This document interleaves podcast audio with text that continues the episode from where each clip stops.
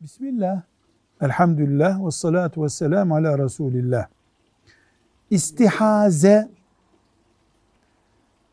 kadınların özel günleri ve lohusalıkları ile ilgili takvim arızasına verilen bir isimdir.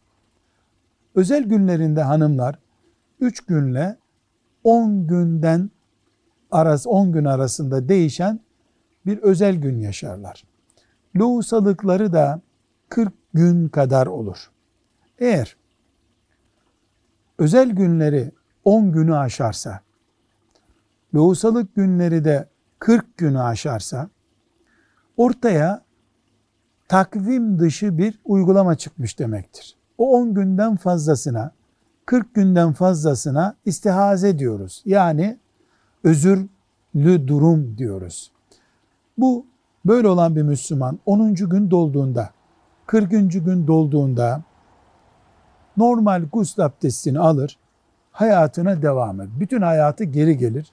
Yani lohusa iken e, özel günlerinde olduğu için ya da yapamadığı şeylerin hepsini yapar. Sadece her namaz vakti için özel abdest alması gerekir.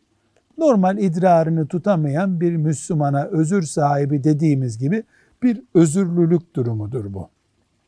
Hiçbir e, sakıncası yok. Bir hastalık kabul edilebilir. E, gençken de olabilir. Yaşlıyken de olabilir. Ama bunun sadece her ezan vaktinde abdest almaktan başka ek bir yükümlülüğü yok. Normal aile hayatına, ibadet hayatına döner. Velhamdülillahi Rabbil Alemin.